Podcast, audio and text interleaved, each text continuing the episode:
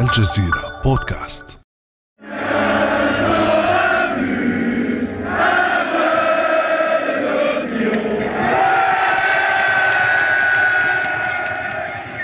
هنا نسمع حماس آلاف الجماهير في شارع شانزليزيه في باريس.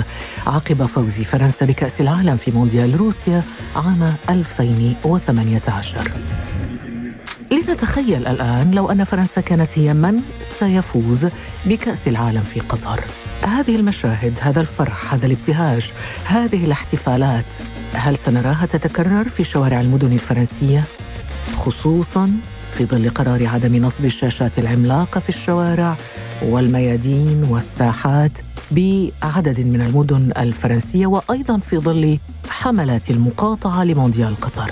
إذا ما خلفية هذه الحملة حملة المقاطعة لمونديال قطر؟ وهل بالفعل سيتم الالتزام بها؟ ونحن على بعد أيام فقط من بداية المونديال؟ هذه قصة المونديال وهذه أنا خديجة بن جنة.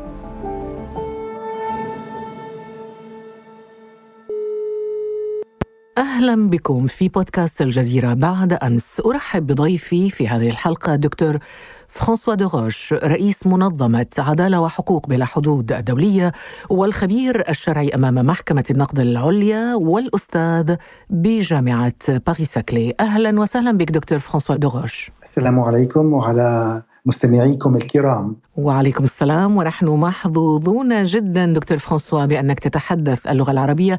دعني فقط هنا أشير دكتور فرانسوا دوغوش إلى أنك عشت في عدد من الدول العربية ربما آه، منها الجزائر العراق البحرين المغرب سوريا الأردن وأرجو أن تصحح لي إن أخطأت في عدد الدول وعدد آخر من الدول. آه، نحن سعداء جدا باستضافتك. وأنا سعيد كذلك. بالاجتماع معكم بهذا البودكاست. دكتور آه، فرانسوا دوغوش الحقيقة أنه أنا مش عارفة من وين أفتح أو أبدأ هذه هذه الحلقة لكن دعني أقول لك أنه يوميا يوميا أطالع منصات التواصل الاجتماعي وأفتح يوميا تويتر ومواقع الأخبار أتفاجأ في الحقيقة بكمية وحجم المقالات والتصريحات والمواقف. السياسية والإعلامية المعادية لمونديال قطر. وأتساءل في كل مرة دكتور هل الحملة في الواقع هل هي معادية للمونديال كظاهرة رياضية أم معادية لدولة قطر نفسها أم ماذا؟ هذه الحملة في نظرنا هي مرتبطة أساسا بالمناخ الدولي السائد الآن.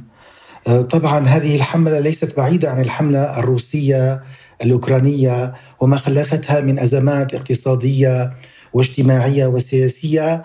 وما يهمنا في هذا الباب هو آه، أزمة أزمة الطاقة التي تسببت فيها هذه الحرب. والدليل على ذلك أنه قبل أكثر من عشرة أيام من اتخاذ البلديات الفرنسية قرار عدم بث مباراة كأس العالم على الشاشات الكبرى قررت تخفيض الإنارة في الشوارع الكبرى وإطفائها. في شوارع أخرى وإطفاء أنوار كذلك برج إيفل ابتداء من من الساعة الحادية عشر ليلا. وهذا ما يدفعنا إلى إلى الشك في مبررات هذه المقاطعة أنها مقاطعة غير مرتبطة على الإطلاق لا بقضية المناخ ولا بقضية حقوق الإنسان وإنما هي مرتبطة بأسباب سياسية واقتصادية بحتة. وكل هذه الحكاية والقصة هي حكاية اقتصاد في الميزانية زائد أنها آه، تزامنت في فصل الشتاء كما تعرفون والتي لا تجمع العدد كانت التي كانت تجمعه في أيام الصيف. فذلك هي فرصة سهلة لقطع عاده عادة كانت تقوم فيها في مناسبات ألعاب كرة القدم. تمنينا أن نرى مواقف بلدية مثلا باريس في انتهاكات حقوق الإنسان والتي لم نرى منها شيئا فهو موقف على ما أظن انتهازي لأنه لا يطابق ولا يتطابق على حقوق الإنسان والأجدر بها أن تصمت. لكن دكتور فرانسوا دوغوش أنت رجل حقوقي وهنا يهمنا أن نعرف موقف الحقوقيين من هذه المسألة. أنتم كحقوقيين كيف تنظرون إلى آه، هذه الاعتراضات أو الاحتجاجات التي يرفعها المعارضون لمونديال قطر؟ صراحة نحن كحقوقيين لم نجد أي مبرر لتجدد هذه الحملة المضادة إلى ما ذكرته قبلا في البداية وفي جوابي السابق الذي يمكن أن نضيف عليه أن هذه الدول وهذه البلديات لعلها تريد أن تهرب من القضايا الحقيقية التي تشغل بال المواطنين بسبب ما يعيشوه ما هي هذه القضايا الحقيقية التي تهم المواطن الفرنسي اليوم؟ هناك المواطن الفرنسي يعيش يعيش من أزمة الطاقة والتي تسببت في أزمات اقتصادية أخرى. وإلا السؤال المشروع هو أين كانت هذه الدول وهذه البلديات التي اهتمت بالعمال الأجانب في قطر؟ أين كانت عندما نظمت روسيا كأس العالم وهي المشهورة بانتهاكات حقوق الإنسان؟ وأين كانت عندما احتضنت الصين كذلك الألعاب الأولمبية وهي الدولة المصنفة في الرتبة الأولى من حيث تنفيذ أحكام الإعدام والتطهير العرقي انظروا التقارير الأممية حول الإيثور مخيفة. وأريد أن أختم وأقول أن هل ستقاطع هذه الدول والبلديات قمة المناخ التي سيعقد في مصر؟ وأكيد أن السجل الحقوقي في مصر لا يخفى على أحد والكل الناس يعرفونه. ذكرت نقاط مهمة آه، دكتور فرانسوا دوغوش آه، روسيا الصين قمة المناخ في مصر. هل هذه الدول فعلا يعني واقع حقوق الإنسان فيها وردي ومثالي؟ بالمناسبة روسيا عام 2018 كانت عندما احتضنت المونديال كانت روس سوريا عفوا تقصف بالمقنبلات الروسية وروسيا كانت تحتل وما زالت جزء من أوكرانيا في ذلك الوقت، لكن لم نسمع هذه الأصوات تعادي روسيا أيامها وتقول لا سنقاطع روسيا لأنها لا تحترم حقوق الإنسان. هنا السؤال هل هناك ازدواجية معايير برأيك؟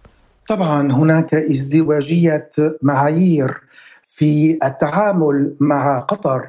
كل الناس تعرف أن روسيا لا تحترم حقوق الإنسان، روسيا ارتكبت جرائم حرب، جرائم ضد الإنسانية، يجب أن تحاسب أمام محكمة العدل الدولية، وآخر بطولة كأس العالم عام 2018 عندما كان الفرنسيون يستمعون ويستمتعون بمشاهدة بطولة كأس العالم كانت الطائرات الروسية تقصف السوريين ببراميل النابالم السوريين العزل السوريين المدنيين وفي الوقت نفسه كانت تحتل قسم كبير من سوريا وكانت كذلك تحتل جزء من جزيرة القرن آه، لاكريمي وهذا لم يزعج المواطن الفرنسي ولا الحكومة الفرنسية أنذاك نمر إلى نقطة أخرى من نقاط الاعتراض والاحتجاج دكتور فرانسوا دوغوش وهي النقطة المتعلقة بالعمال الأجانب.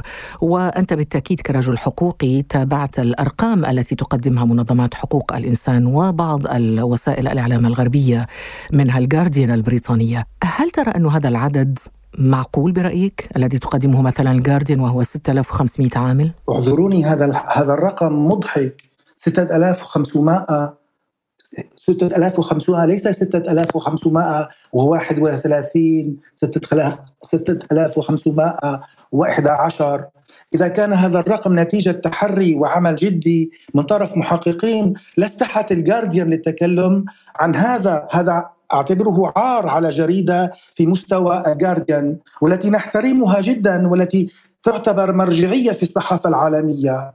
أن تمرغ يعني سمعتها بإدلاء أرقام لم تصدر يعني عن دراسات وتحريات جدية. حتى المنظمة الدولية للعمال التابعة للأمم المتحدة والتي فتحت مقرا لها في الدوحة في هذا الشأن لم تعطي هذا الرقم الغريب الذي ينتهي بصفرين. يعني هذا وهي مسؤولة عن تزييف الرأي العام وهذا يعتبر عدم مسؤولية ونقص في الحرافة وتبقى نقطة سوداء على ما اظن في تاريخ هذه هذه الجريدة. وأنا في فهمي كذلك أن مسائل حقوق العمال والتأخير في الأجور كذلك فهي من اختصاصات مؤسسات حماية العمال مثل الأمم المتحدة وليس من اختصاص نادي رياضي لكرة القدم فهو يحسن فن كرة القدم وليس من اختصاصه حقوق وقوانين العمال وهي من اختصاص هذه هذه المنظمات والمؤسسات الخاصة بحقوق الإنسان والعمال. والاتفاق الأولى يعني هذه بالنسبة بالنسبة لي كخبير شرعي أمام القضاء أنا أعتبر أنه عار على جريدة بهذه القيمة أن تنشر مقال بهذا الاستخفاف. جيد. طيب نمر إلى نقطة أخرى من نقاط الاعتراض والاحتجاج. لدى يعني قادة حملات معارضة آه، أو مقاطعة مونديال قطر هناك النقطة المتعلقة بالمثليين LGBT. هل ترى أنه التظاهرة يعني المونديال هو تظاهرة ثقافية لعرض ربما منظومات قيمية مختلفة أم أنه مظاهرة في النهاية مظاهرة رياضية يأتي الناس ليستمتعوا بكرة القدم ويشجعوا ويلعب من يلعب ويفوز من يفوز ويعود بالكأس. كما تعلمون أن المثليين لهم لوبي قوي جدا هنا في فرنسا وفي الغرب ومتواجد على مستوى السياسة والمجتمع المدني ويضغط بقوة عبر وسائل الإعلام وما ناهيك إلا أن تروا قناة التلفزيون الشهيرة نتفليكس المدافعة بشراسة على المثليين وتدخل هذا الموضوع في كل بيوت العالم. إدخال هذه البرامج الجديدة في مناسبة كأس العالم تحت إدارة الفيفا وهو بتقاعد واضح بين الفيفا والدولة المضيفة وإدخال برامج جديدة لم يتفق عليها بتعاقد قبلا ويعتبر هذا إخلال بما اتفق عليه في عقود قديمة عندما أقيمت كأس العالم. هذا سؤال يجب أن يطرح على الفيفا. من الذي حول لجهات خارجة عن الفيفا أن تفرض برنامج جديد؟ أتكلم عن أون لوف. تفرض برنامج مثلا جديد لم يكن في كراس المواصفات. في علمي أن الفيفا هي هي التي تدير وهي التي تضع البرامج والقوانين لكأس العالم. في كل تفاصيلها من مقبلات رياضية ونشاطات ثقافية وتجارية وإعلامية من هذا الذي يأتي ببرنامج جديد؟ يعني لا نستطيع أن نضيف برنامج إذا كانت كل الخطة قد كتبت وقد اتفق عليها الجميع. نمر إلى نقطة أخرى من نقاط الاعتراض التي تقوم عليها حملات مقاطعة مونديال قطر وهي البيئة. دكتور فرانسوا دوغوش عندما نتحدث عن البيئة المعترضون يقولون لا يعقل أن نلوث البيئة أكثر مما هي ملوثة أصلا بتكييف الملاعب. ما رأيك؟ بهذا الصدد أريد أن أذكر وأن أشكر اللاعب القدير الألماني بيكن باور الذي ساعد بموقفه وندائه لتغيير فطرة المباريات من موسم الصيف إلى موسم الشتاء. معنى ذلك أن الملاعب ستكون بطبيعتها باردة ولا تحتاج للتكييف. فمن يثير نقطة التكييف فما هو إلا مهرج وله نية سيئة. صحيح دكتور فرانسوا لأنه شهر نوفمبر وديسمبر الطقس جميل هنا في قطر وفي المنطقة كلها وفي الواقع ليس هناك حاجة أصلا لتشغيل المكيفات. طيب هكذا دكتور فرانسوا دوغوش نكون قد مررنا تقريبا أو عددنا الأسباب التي يرفعها المقاطعون لمونديال قطر. يبقى نقطة في الواقع أريد أن أسألك عنها. إن كان الموضوع له علاقة ربما بظاهرة الإسلاموفوبيا الإسلاموفوبيا لأنه هذه الحملات قد تكون ربما من إفرازات ظاهرة الإسلاموفوبيا والمونديال ينظم في دولة مسلمة ودولة عربية. بالمناسبة هذه أول مرة تستضيف فيها دولة عربية مسلمة بطولة كأس العالم من بين اثنين أو 22 آه، بطولة هذه البطولة الوحيدة التي تنظم في دولة عربية مسلمة. طبعا يجب أن يكون الإنسان أعمى حتى لا يرى مشكلة الإسلاموفوبية في بطولة كاس العالم في قطر وفي هذه الحملة الشرسة. المشكلة أن الرجل الغربي هو أسير تصورات وشعور استعماري وعدائي لكل العالم العربي والإسلامي، هذا معروف. والمشرقي والذي نناضل نحن من أجله لكي تزيل هذه المفاهيم والصورة السيئة من أجل التعايش بين البشرية في سلام وفي أمان ولكي يحترم كل منا الآخر.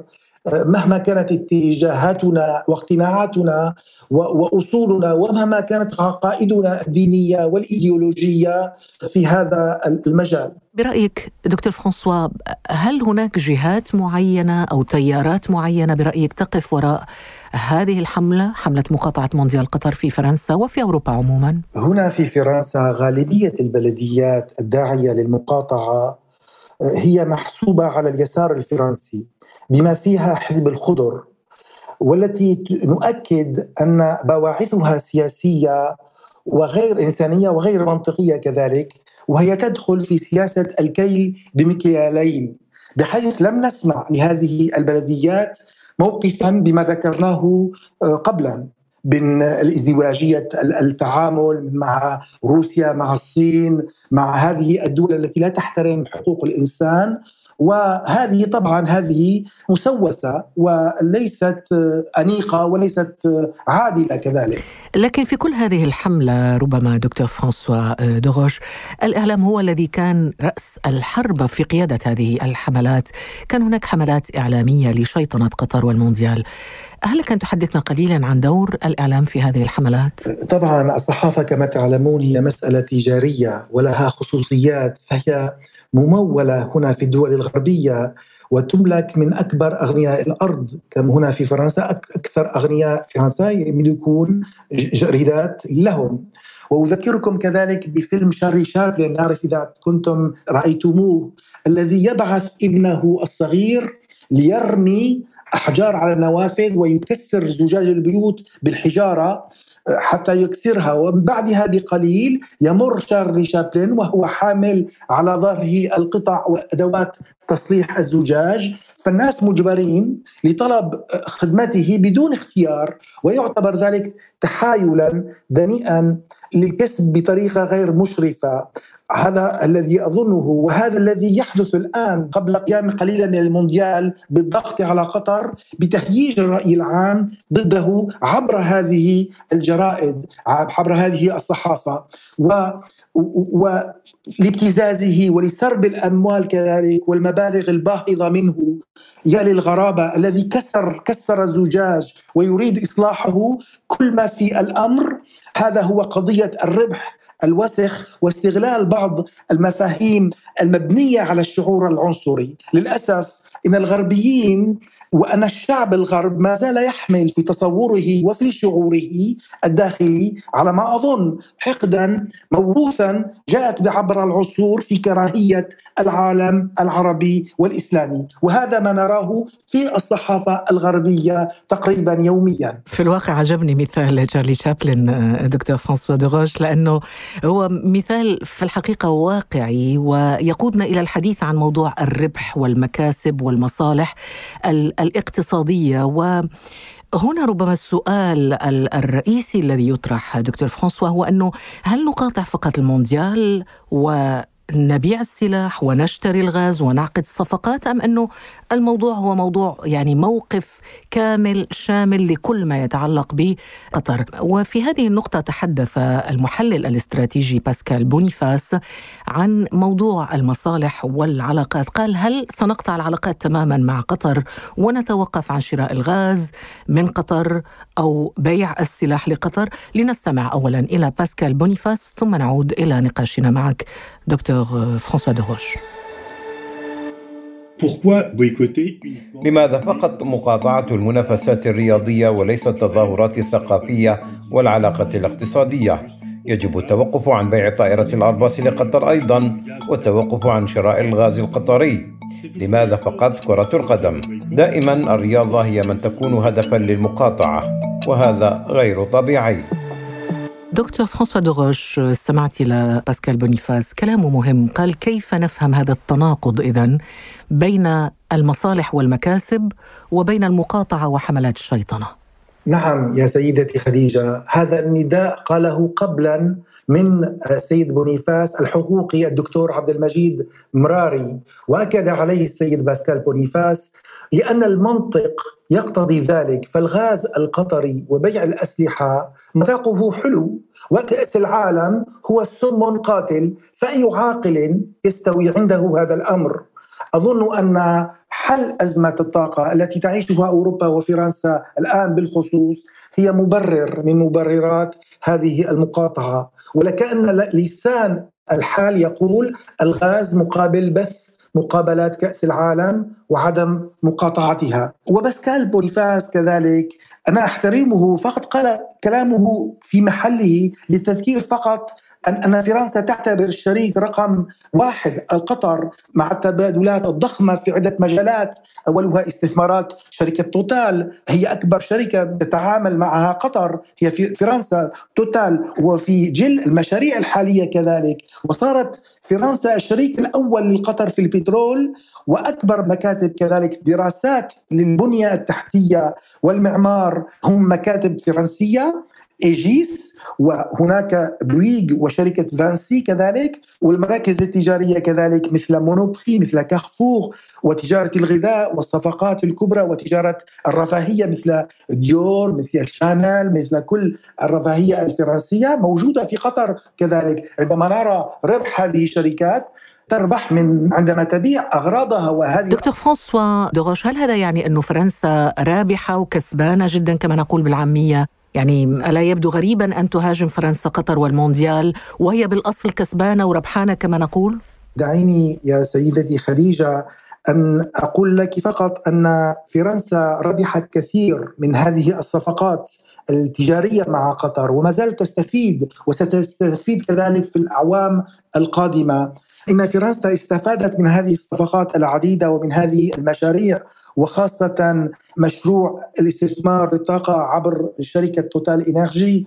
الذي ربحت فيه 475 مليون أورو. وكذلك بناء مترو قطر بالتعاون مع قطر ريل. وهذا المشروع ضخم كثيرا وكبير واستفادت منه فرنسا. الآن ربحت منه الشركات الفرنسية مبالغ هائلة. وإن فرنسا تخرج مليئة الجيوب بعد كأس العالم. إذا دكتور فرانسوا فرنسا برأيك ربحانة أو كسبانة جدا كما نقول بالعامية رغم أنها يعني الإعلام الفرنسي وسياسيون لا نقول كل السياسيين ولكن جزء من السياسيين ومن الأحزاب يهاجم المونديال رغم ذلك أنه فرنسا كما تقول أنت ربحانة وكسبانة من هذه المشاريع. طبعا جيوب فرنسا معبأة الآن بعد مونديال قطر والآن فرنسا ربحت كثير من هذه المشاريع وحازت على قطعة الأسد. لو كنا في غابة. نعم. طيب حتى فريق باريس سان جيرمان يعني لم يسلم من هذه الحملة.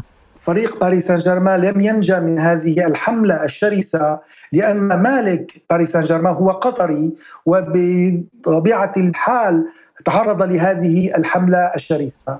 رغم أنه الاقتصاد الرياضي في فرنسا بصراحة استفاد جدا من فريق باريس سان جيرمان باريس سان جيرمان تعرض كذلك لهذه الحملة الشرسة ضد قطر لأن مالك باريس سان جيرمان هو قطري ومن البديهي يعني أن يتعرض إلى هذه الحملة. طيب لو تركنا دكتور فرانسوا دوغوش آه، اللي فات وراءنا ونظرنا الآن إلى المستقبل في الواقع لم يبقى إلا أيام قليلة ويبدأ المونديال. يعني وين رايحين؟ هل سيستجيب الناس مثلا لدعوات المقاطعة برأيك؟ كرة القدم كما تعلمون هي الرياضة الأكثر شعبية وبالنسبة لي إن بذور فشل هذه الحملة مزروعة فيها لأنها حملة غير مبنية على أساس منطقي وانتقائية كذلك وأن الحملة هي مجرد تعبير عن ضعف سياسيين في مواجهة الأسئلة والأزمات الحقيقية. فبدل أن يعترف عمداء البلديات مثلا في فرنسا أن أزمة الطاقة هي التي وراء بث مباراة كأس العالم أرادوا أن يصنعوا من أنفسهم أبطالا بإخراج هذه المسرحية مسرحية المقاطعة. وأنا متأكد أن من يدعو إلى المقاطعة علنا سيتابعون مباريات رأس كأس العالم بخفية. في بيوتهم. في بيوتهم. دكتور فرانسوا دوغوش أنت كيف ترى ردود الأفعال بخصوص هذه الحملات المقاطعة هذه داخل فرنسا وخارجها؟ لا يمكنني تقييم رد الفعل داخل قطر يعني لا أعيش في قطر ولا أقرأ الجرائد القطرية أو العربية ولكن تابعت بعض ردود الأفعال هنا في فرنسا وفي المجتمع الغربي والتي أجمعت على أن هذه الحملة هي مسيسة وتحكمها دوافع أخرى غير المناخ وغير حقوق الإنسان. هنا تريد أن تقول أنه الأسباب قد تكون أبعد مما ذكر قد تكون موضوع الإسلاموفوبيا موضوع صراع الحضارات موضوع عدم تقبل أنه دولة عربية مسلمة مثلا يمكن أن تحتضن المونديال. نريد أن نفهم ماذا تقصد بالضبط. طبعا يجب أن يكون الإنسان أعمى حتى لا يرى هذه الأشياء. طبعا هناك هي كراهية للمسلمين كراهية للعرب. بالنسبة لهم العربي هو فقط هو مستهلك. هو لا ينتج هو لا يفعل أي شيء لا يحضر بطولة كأس العالم. هم الذين يحضرون والعرب ينفذ ما يفعله الغرب له. فهناك كذلك ليست هذه من أدبيات وقواعد اشتغال كذلك المنظمات الحقوقية. لو كان هناك خطأ لكانت المنظمات الحقوقية الكبرى طلبت المقاطعة. نحن لم نسمع هيومن رايت واتش ولم نسمع منظمة العفو الدولية رغم أنها انتقدت ملف العمالة يعني منظمة العفو الدولية يعني كان لها لم تقارير. لم تنادي لم تنادي المقاطعة. نعم ولكن نادت نادت إلى تحسين وضع العمال وبالفعل جرى العمل على ذلك والكثير من القوانين تغيرت في الواقع منذ بداية العمل على الإعداد للمونديال وأمنستي انترناشونال كان لها دور في ذلك. طبعا وهذا الأمر جيد جدا. نقول هنا في فرنسا يقول الكمال هو فقط لله. يعني لا يوجد هناك فقط الله هو كامل؟ أما كل الأشياء ليست كاملة. الدول حتى ولو كانت الدول ديمقراطية وحتى ولو كان فيها حقوق حتى ولو كان فيها عدالة المجتمع الغربي فيها أشياء كثيرة ليست كاملة. ويجب أن تتحسن وبهذا الشكل تحسنت الأحوال العمال في قطر وهذا نحن نحييه ونؤيده. هنا أنت تتحدث كرجل حقوقي. طبعا لأن هذا الذي قلب عملي الحقوق فطبعا علينا أن نكون كذلك حقوقيين. يجب أن نتعامل مع الناس بعدالة وأن لا يكون المكيال بمكيالين. وأن نطبق فقط حقوق الإنسان على قطر وننسى الآخرين. أنا أريد أن أشور أن تلك الإسقاطات تطبق على كل دول العالم وليس الكيل بالكيلين. وحذر من إشعار نار الفتنة والحقد لأن العرب والمسلمين سوف تعتبر هذه الهجمة موجهة يعني ضدهم؟ حتى بها باطل لتغذية حقدها على هذه الدول. يجب كذلك أن نذكر أن الجمهور العريض الذي يتابع كرة القدم أكثره لا يأتي من الدول الغربية والمتفرجين ليسوا كلهم متسيسون على شاكلة الذين يقرؤون جريدة لوموند أو جريدة الفيغارو أو جريدة الجارديان فهم عشاق لكرة القدم فقط. فإذا واحد من فرقهم قرر الانسحاب أو أخذ موقف إيديولوجي أو سياسي لهذه المناسبة فلها عواقب كبيرة ووخيمه على الرأي العام وقد يسيء كذلك لدولته أو لمستقبله المهني. أنا أعتبر أن الهدف الأساسي من تلك الفعاليات الرياضية أن تتعايش في لحظات رغم اختلافاتها ورغم عدائنا لكي نشجع التواصل بين البشرية وفتح الحوار وفض كذلك النزاع لن يكون يوما من الأيام البشرية جماعة على رأي واحد هذا مفروغ منه. ولذلك يجب أن نتعلم أن نعيش مع بعض وأن يتحمل بعضنا البعض رغم اختلاف ثقافاتنا ومعتقداتنا. ولتكن كرة القدم ساحة من ساحات الوئام والأخوة لكي نعيش على الأقل لحظات مع بعض كبشر. ليس أجمل من أن نختم هذه الحلقة الجميلة بهذه الكلمات الجميلة. وهو أن الكرة كما ذكرت تجمع ولا تفرق وأنها لعبة للوئام وللأخوة وللصداقات بين الشعوب وليست للتفريق بين الشعوب. نختم بهذه الكلمات الجميلة لك دكتور فرانسوا دوغوش وأسألك سؤال أخير. ستأتي إلى الدوحة لمناصرة لي بلو. شكرا جزيلا لكم. إن شاء الله سأكون عندكم في الدوحة. إن شاء أنا الله. كنت رئيس الاتحاد الفرنسي للرياضيين الفيدراليين ولا أستطيع أن لا أتي إلى الدوحة لمشاهدة كأس العالم. جميل جدا دكتور فرانسوا دوغوش أن نختم بهذه الكلمات الجميلة وهذه التوجيهات والإرشادات والنصائح. وهي أن الكرة تجمع ولا تفرق وأن الكرة هي أيضا مناسبة لتوثيق العلاقات بين الشعوب والوئام والأخوة وليس للتفريق. وربما أيضا درس أخير ذكرته وهو أنه ليس هناك دولة ربما في موضع من يعطي دروسا للآخرين. أعتقد أن ما يمكن أن نختم به هذا الحوار الشيق معك يا سيدتي خديجة. أن إحساسي يقول أن الفرنسيون والأوروبيون لم ولن يستوعبوا جيدا أن بلدا عربيا ومسلما يمكن أن يحتضن كأس العالم وينجح في الإعداد له. وأعتقد أن كأس العالم في قطر سيبقى عبرة لمن يرتزق بالسياسة وحقوق الإنسان. في مثل عربي دكتور فرانسوا يقول فيش حدا أحسن من حدا ليعطي دروس للآخر. فجميل أن نختم إذا هذه الحلقة بهذه الكلمات الجميلة وسعدنا جدا بوجودك معنا في هذه الحلقة.